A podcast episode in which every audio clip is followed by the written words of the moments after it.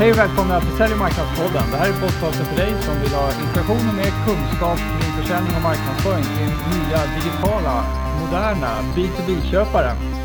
Välkommen till podcasten Lasse. Härligt Anders. Det är lite ny sväng på introt där. Lite. Det tycker jag passar bra idag för vi, vi är faktiskt inne på en liten, eh, liten sväng också rent eh, ämnesmässigt sett faktiskt. Ja, en liten expansion. Ja, det är en liten finding som jag har gjort eh, baserat på det arbete som har lagts ner eh, kring att hjälpa digitala B2B-köpare här nu. Ja, det har ju hunnit bli faktiskt ganska lång tid. Vi har ju firat över två år Anders. Just det, tvåårsjubileum. Ja. Det känns otroligt kul. Makalöst. Ja. Ja, spännande. Vi hade faktiskt, eh, när vi pratade om det här när vi startade bolaget, så hade vi, kommer du ihåg, du ritade en, en slide, handritade slides eh, by Lasse. Eh, det var en trappa. Ja. Där vi pratade om att första trappsteget är att fixa marknadsfunktionen, sen att integrera sälj och marknadsföring. Vi har tagit de två stegen här, för vi håller på med social selling också, och få de två funktionerna att jobba utifrån samma grund, grundtänk. Och sen nästa steg, det är att öppna upp hela företaget och även produktutveckling och tjänsteutveckling med utgångspunkt från det här tänket. Exakt. Mm. Och det är där vi har landat nu. Nu är vi där. Precis. Och det är det som är vårt fokus för, för det här avsnittet. Och eh, jag vet inte, det är många som har lyssnat på det här på våran, eh, våran podcast sen tidigare, Sälj marknadspodden. Eh, förstår ju väldigt mycket tänket kring hur man jobbar med, med modern digital marknadsföring. Ja. Att man ska hjälpa eh, B2B-köparen på den här ganska komplexa köpresan så mycket man orkar och verkligen försöka göra det digitalt också. Mm. Så att de kan ta sig fram så enkelt och smidigt som möjligt och därmed kunna landa i ett, eh, i ett beslut att, att köpa av mig. Just det. Och vi har diskuterat lite grann att uh, inför den här podden att det finns då förväntning på att resten av relationen med det här företaget som har varit så bjussigt och, och varit så kundtillvänt i försäljning och marknadsföringsprocessen, att det fortsätter, den upplevelsen fortsätter. Så det ställer ju så att säga krav på leveransen och på produkterna också. Exakt. Och det, är- det är väldigt mycket så att man, man försöker jobba med att vara extremt relevant då i sin marknadsföring kopplat Mm. till köparen. Och då pratar vi verkligen hela köpresan och det här A, B, C-tänket. Där C handlar mer om mig själv då. Eh, och, att, eh, och att det ska vara liksom friktionsfritt och att det ska vara enkelt och smidigt liksom för, för B2B-köparen att kunna komma framåt på den här köpresan och så vidare. Gör man det här riktigt, riktigt bra Mm. och verkligen är utifrån och in och verkligen sätter sig in i den moderna B2B-köparens position och försöker hjälpa dem. Så inser man när man kommer ner i C när de ska välja att köpa det jag erbjuder. Att det ställs väldigt höga krav på mig. Mm. Både kopplat till produkten och själva liksom köpet. Ja, och sen så har du ju steget efter när de ska använda produkten. Och om vi gör det på ett bra så att produkten håller måttet, helst överträffar förväntningar. Och man tänker vidare kring kunddialogen även efter köpet är gjort. Då kan vi skapa eh, ett gäng ambassadörer som hjälper oss att växa vårt företag och sprida våra produkter och tjänster till ännu fler människor. Och det som händer när man kommer in i den här processen och vill jobba på det här sättet så börjar man ju forska mycket mer på köparna. Vilka man verkligen ska fokusera på, hur de är och så vidare. Och, och det är då man lär sig, man, man ser en massa nya saker. Eh, som man inser när man tittar på sina produkter och sina tjänster. Att eh, vänta nu lite grann här. De kanske inte är så vackra trots allt. Och de kanske inte är så lätta att eh, förstå hur man ska köpa. Och kanske inte alls så lätta att köpa heller. Nej, precis. Eh, Så man får liksom en liten ny aha-upplevelse när man verkligen tar sig an det här utifrån intänket och när man lär sig mer om Ja. köparen. Jag menar alla kan ju mycket om sina köpare och, och tycker väl alltid att man har haft ett köparfokus. Men det blir på ett annat sätt. Det blir som laserfokus på Ja, köparna. och, just det. Och eh, ja, det är ju många som, eh, när vi pratar med våra, våra kunder på, i workshops och sådär, så, så är det ju, märker man att lampan tänds hos väldigt många. Att de har ju tänkt på sina kunder jättemycket. Det är bara det att man har inte tänkt på det och det har inte fått den konsekvensen att man börjar kommunicera på ett annat sätt. Och nästa steg är naturligtvis, om vi säger att vi har en, en produkt som har sålt hyfsat bra. Sen börjar vi lägga om diskussionen kring vår kommunikation, marknadsföring och försäljning helt och hållet, men produkten är helt oförändrad. Man kommer att märka när man kommer in i det här på allvar att man blir lite mer självkritisk. Man tänker och tittar på saker på ett enklare sätt ur kundens perspektiv. Vilket gör att man ganska snabbt faktiskt kan komma fram till att designen på den här produkten eller leveransen av den här tjänsten inte är optimal ur köparens perspektiv. Nej, och, och, det blir också så att om man gör hela den här köpresan utifrån marknadsföringens perspektiv väldigt, väldigt tidigt, hjälper köparen fram. Då ställer det ökade krav på en utifrån köparens perspektiv. Marknadsföringen är ett väldigt bra, hjälpande, friktionsfritt och så vidare. Mm. Och så kommer man ner till, till den här produkten och, och köpet och så, och så blir det liksom inte harmonierar det inte. Det är inte liksom smidigt och lika trevligt som den här marknadsföringsupplevelsen. Nej. Och då kan man få en omvänd effekt nästan. Att då blir man så här, ah, det här vill jag inte köpa. Det här var alldeles för krångligt. Ja, de, jag de förstår ljög, jag ska de var köpa. Ju, de var ju oärliga här. Exakt. Var ju, de, var ju, de, de sa att de skulle vara jättesnälla Nej. i början och sen var de dumma sen. Det ställer krav på att man måste vara extremt snygg när man hoppar upp ur lådan. Det... Väldigt, väldigt tydlig på vad man gör, väldigt lätt att, att förstå hur man ska köpa och väldigt lätt att köpa. Och i B2B-sammanhang har ju det här sällan varit liksom ett, ett, ett, ett, ett liksom extremt viktigt fokus eh, för företaget faktiskt. Nej, man har, ju, ehm, man har ju produktutveckling, man har kanske en innovationsavdelning och eh, mycket av den innovationen sker internt. Och sen så för att kolla av att man är på rätt spår så har man en fokusgrupp på slutet som, som där man kollar av och, och svarar fokusgruppen inom citationstecken fel. Då, då var det fel fokusgrupp och så mm, kör man i alla fall. ja, precis. Nej, men, äh, jag tror att vi, vi kan säga så här, jag tycker vi ska gå in på ett par exempel. Men innan vi gör det så tror jag att det är viktigt att man delar upp det i två delar. Om vi har marknadsföringen först då. Och sen så kommer vi då in på själva erbjudandet, alltså själva produkten. Mm. Och då är ju det i sig liksom väldigt viktigt eh, hur man har tänkt kring paketeringen av den. Som hur, att det är pedagogiskt och, och hur det är lätt att köpa så. Men sen är det ju själva köpet att göra själva köpet. Ja. Det, är som, det, är två olika aspekter på det. Eh, om vi börjar och tänker oss utifrån perspektivet själva erbjudandet, mm. själva produkten eller tjänsten. Så kan vi ta ett intressant exempel. Ja. Eh, en kille som heter Brian Clark, heter han. Han eh, startade företaget Copyblogger som jobbar just med content marketing. Mm. Bra podcast har de. Ja, bra The podcast. Lead heter de Ja, The Lead. Mm. Den, eh, I alla fall så, så det Brian egentligen gjorde var att han, han var ganska tidigt på det här och fick väldigt mycket följare som var intresserade av hans kunskap, hans kompetens och gillade hans så att säga, hjälpande approach när han jobbade med sitt företag. Eh, och efter ett tag så var det någon som hörde av sig till honom och sa så här, du Brian, kan inte du göra lite programvara också? Ja, för han, han uh, sålde konsult. Just det, exakt. Han var konsult, var tydligare. Han var, det var konsultföretag det här. Ja. Och då så, så sa han så här att, eh, ja, kanske det. Så han tog in eh, en, en programmerare i sin krets. Och så sen så frågade de helt enkelt alla följarna. Ja, första grejen var väl det att, nej men vänta, jag är väl ingen programvaruföretag. Jag, jag, jag har ju en viss kompetens och den levererar ju jag så här. Ja, som exakt, konsulttjänst. Exakt, exakt. Och, sen så, och, och, sen så tänkte han till. Och det är klart att han då, när, när det kommer en sån förfrågan från eh, folk som man litar på i, i sin, i sin eh, följarkrets helt enkelt, som man har byggt upp efter idogt arbete. Mm. Ja, då kan man ju faktiskt reagera på det. Exakt, så då har han satt igång och frågade dem helt enkelt. Och mm. han fick ganska tydliga svar på vad det var som de tyckte var viktigt att, att, eh, att han eventuellt skulle göra. Mm. Så han bestämde sig helt enkelt för att göra det. Han spesade upp det, talade om vad han skulle leverera och så sa han så här. Är det någon som vill köpa? Jag kommer leverera om, jag kommer inte ihåg hur det var, sex mm. månader eller någonting. Ja. Och så satte de igång och jobbade och så sen så levererade de och de klarade och naturligtvis då leva upp till förväntningarna och det här blev en stor succé. Och det Brian Clarkson har gjort att han har satt det här i system. Så han frågar sina följare och eh, alla de här följarna då får han liksom input och feedback från och så bygger han liksom programvara utifrån det perspektivet. Mm. Eh, och, och det är ju det är väldigt intressant. Han hade ingen produkt, blev ett produktbolag, men han blev det liksom utifrån det här, utifrån och intänket direkt. Just det, att han hade möjlighet att ställa frågan på rätt sätt till rätt personer. För det är ju folk som man, man, kan ju inte ställa frågan rakt ut i etern. Hej, jag skulle vilja göra en produkt här. Är det någon som har ett förslag? Det blir ju väldigt knepigt. Mm. Men han hade ju en skara med personer som följde honom eh, på grund av det han hade gjort hittills. Sin, sin öppna kommunikation och sin ja, content marketing. Då. Mm. Eh, och, eh, så, så de hade ju en tydlig bild av vad de kunde förvänta sig av honom. Men Exakt. bad honom att leverera den kompetensen på ett nytt sätt. Exakt. Och då kan man väl säga så här eh, att, eh, att en strategi här då skulle kunna vara skaffa dig en massa följare kopplat till det du kan och ditt liksom område först. Och sen så liksom frågar du dem liksom sen och sen så gör du dina produkter.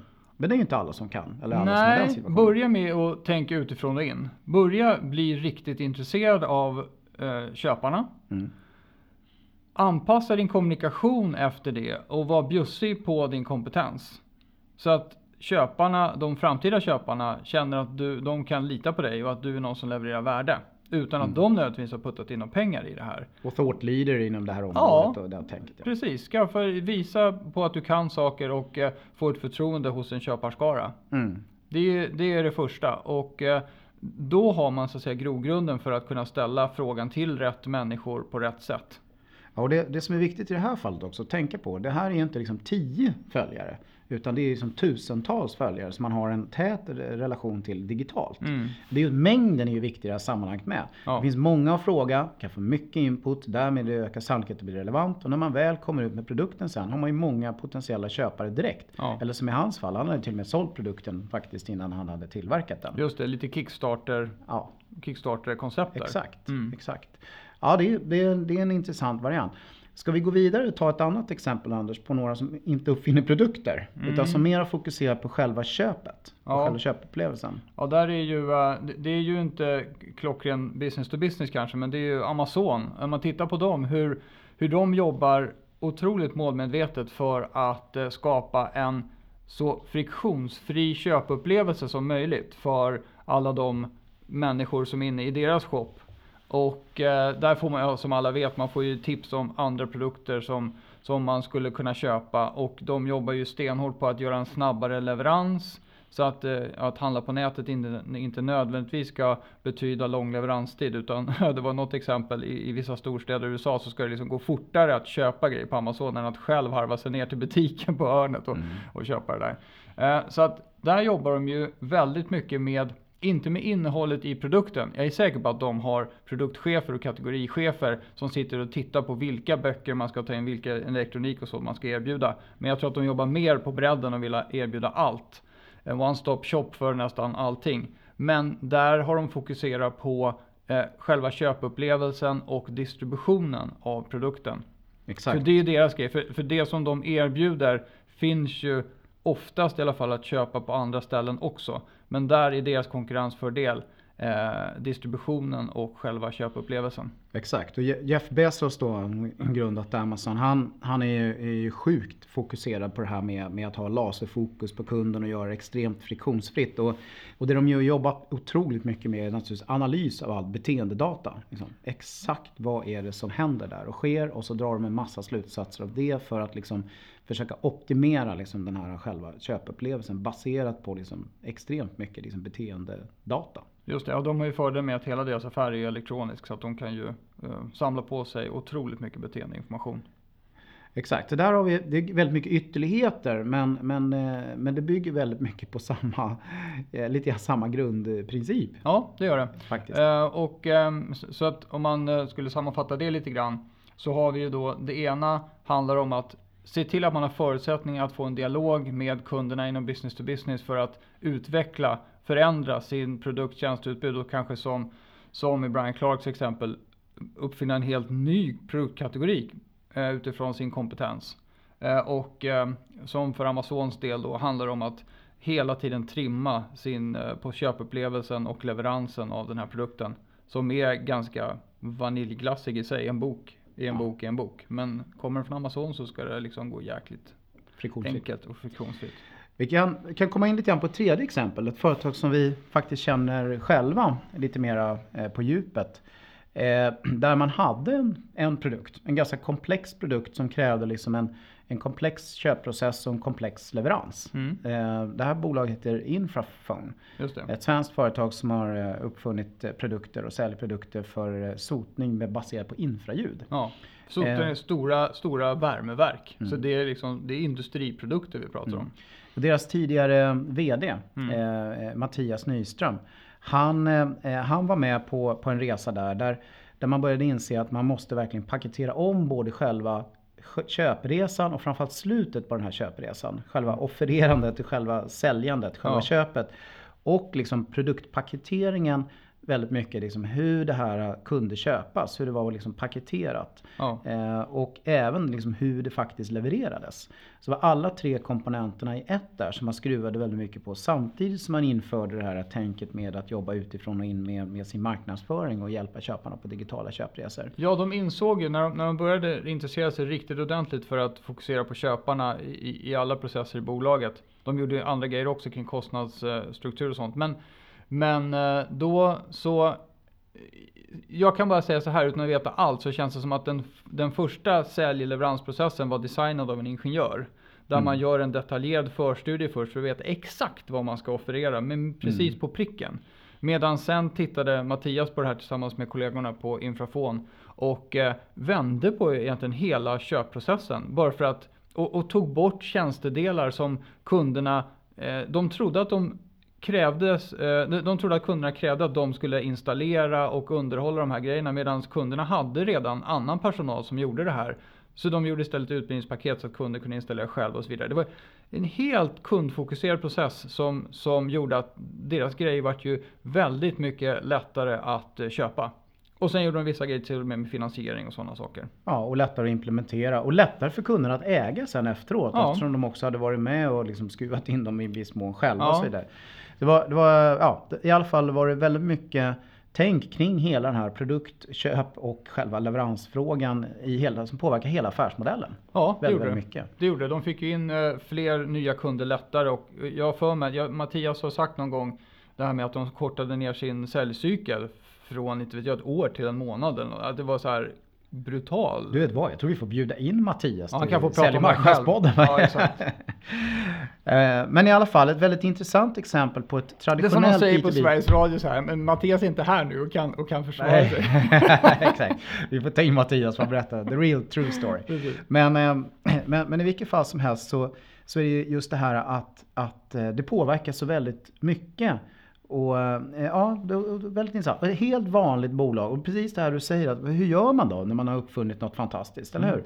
Det, det, man konstruerar ju oftast liksom köpet utifrån sitt eget huvud och utifrån liksom det faktum att, att det måste liksom i slutändan liksom fungera på något vis. Ja. Eh, och man behöver maximera sin affär känner man på något sätt. Och så blir det liksom något sorts feltänk. Som Ja. inte skalar heller. Nej, det blir ett inifrån och ut-tänk eh, ingenjörsmässigt så. Ja. Och, och det brukar, det, det, det är mer en tur och skicklighet om det ska bli rätt, kan man säga, ur kundens perspektiv. Exakt. Mm. Eh, ja, Anders, då kan vi väl säga så här li- lite grann i alla fall. Att, att hur ska vi försöka knyta ihop den här säcken nu? Man kan väl säga att börjar man med marketing utifrån det här perspektivet. Då är det att börja i rätt ände. Eller? Ja, det, jag tror att eh, börjar man, man måste vara jäkligt bestämd på att tänka utifrån och in. Mm. Och för att få till dialogen med köparna så är det ju kommunikation som gäller. Och då den som står för största kommunikationsmuskeln på ett bolag, det är marknadssidan. Så jag tycker att det är väldigt bra att börja där. Eh, för då, då, då får man in mer intryck från en massa eh, köpare och man kan så att säga kommunicera effektivt med dem. Och man har en kommunikationsmaskin som fungerar också. Ja. Vilket är extremt viktigt. Men, men det- jag tycker också just det här att gör man det på rätt sätt. Då får man liksom en stor mängd följare som inte har köpt. Just det. Eller hur? Ehm, om man börjar med det här tänket. Ja. Eh, och sen gäller det ju att då tänka att börja och vara medveten om att tänka till. Mm. På det här med produktpaketering och själva köpet. Ja. Och så får man liksom börja jobba med det när man har kommit igång med marknadsföringen. På ett strukturerat sätt. ja, och jag tror det kommer ge insikter efterhand. Ja, och det jag tycker vi ser i en del undersökningar från USA, det är just också att, att eh, mer och mer det här tänket kommer in också i själva leveransläget. Att man tänker på att verkligen använda digital teknik för att skapa en så bra så att säga, köp eller leveransupplevelse som möjligt. Ska jag säga. Eh, och att man även använder tänket för att hjälpa köparen att köpa igen. Och att, att köparen sen kan, kan få vara med liksom, och, och hjälpa till att få in andra köpare. Just det. Eh, när man blir riktig ambassadör. Så att säga. Exakt. Har man lyckats leverera en produkt som helst möter och överträffar förväntningarna så är det klart. Och så gör man sen gör man det lätt för kunderna, som vi har pratat om i andra podcast här, att, att eh, bli ambassadörer för dig som leverantör. Då, så, eh, då är det ju bingo. Eh, Så det gäller att tänka hela hjulet. Eh, Ska vi, eh, ska vi leverera något tips här på slutet? Har vi något konkret att komma med? Jag tänkte att jag redan gav tipset, vi har redan gett tipset. Ja. Tänker utifrån och in, börja med kommunikationssidan och eh, bygg en contentstrategi och en, en marknadsföring kommunikation utifrån köparna. Börja där och så lär du dig eh, lär du dig mer om köparna där, du får upp en dialog med dem och sen tar du det vidare. Eh, gör så att säga från början en plan för att det här ska genomsyra hela företagets eh, sätt att tänka. Ja, och det, det jag skulle vilja lägga till till det här det är liksom att vara väldigt noga när man väljer sina köpare. Vi pratar om personas och så här. Och våga vara liksom laserfokuserad på några. Eh, för att liksom man ska kunna lyckas också. Ja, just det. Man kan, inte, man kan inte göra någonting som passar alla för då passar ingen. Nej, då blir man som den där som försökte kopiera folkvagnarna i USA. Just det, det var något, jag kommer inte ihåg vad den hette. General Motors gjorde någonting när, när, eh, när Beatlen eller, eller folkvagnen gjorde sitt intåg i USA och vart en storsäljare. Då tänkte vi vi måste göra likadant. Så vi frågar alla vad de vill ha för bil. Och så frågar de alla och sen så knådar de ihop någon sorts märklig kombination av alla önskemål och ingen köpte den. Du, vad 17 hette det företaget? General Motors tror jag det var. Ja, det var, vad hette bilen? Ja, exakt. Någonting, Vi kan utmana lyssnarna. någonting kort. Maila till eh, Anders eller Lars på Business Reflex. Ja, Eller får vi googla ihjäl oss. ja, det får jag. Så är det. Ja, vad härligt. Bra, vi, jag hoppas vi får tillfälle att prata mer om tjänstedesign i framtida podcasts. För att det här är ett stort viktigt ämne. Att det sitter ihop hela kedjan. Ja just det, det tror jag är en jättebra grej. Eh, Att, eh, att där man kan se mest utmaningar med hela den här frågan och där det kan bli mest effekt om man tänker till är Mm. just tjänsteföretag. Ja. Som ju har stora utmaningar med paketering och liksom hur man ska bli köpt och vad man ska sälja och, och hur köpet ska gå till och så vidare. Där finns det mycket att göra. Eh, Ska vi utlova att vi kommer med sånt avsnitt? Vi jobbar på det i alla fall. Ja, vi försöker. Vi hoppas få in, få in bra gäster som kan, som kan prata om det här på ett bra sätt. Vi jobbar på det. Ja, sammanfattningsvis är det som vanligt att vara relevant. Relevant. Hej då! Hej då!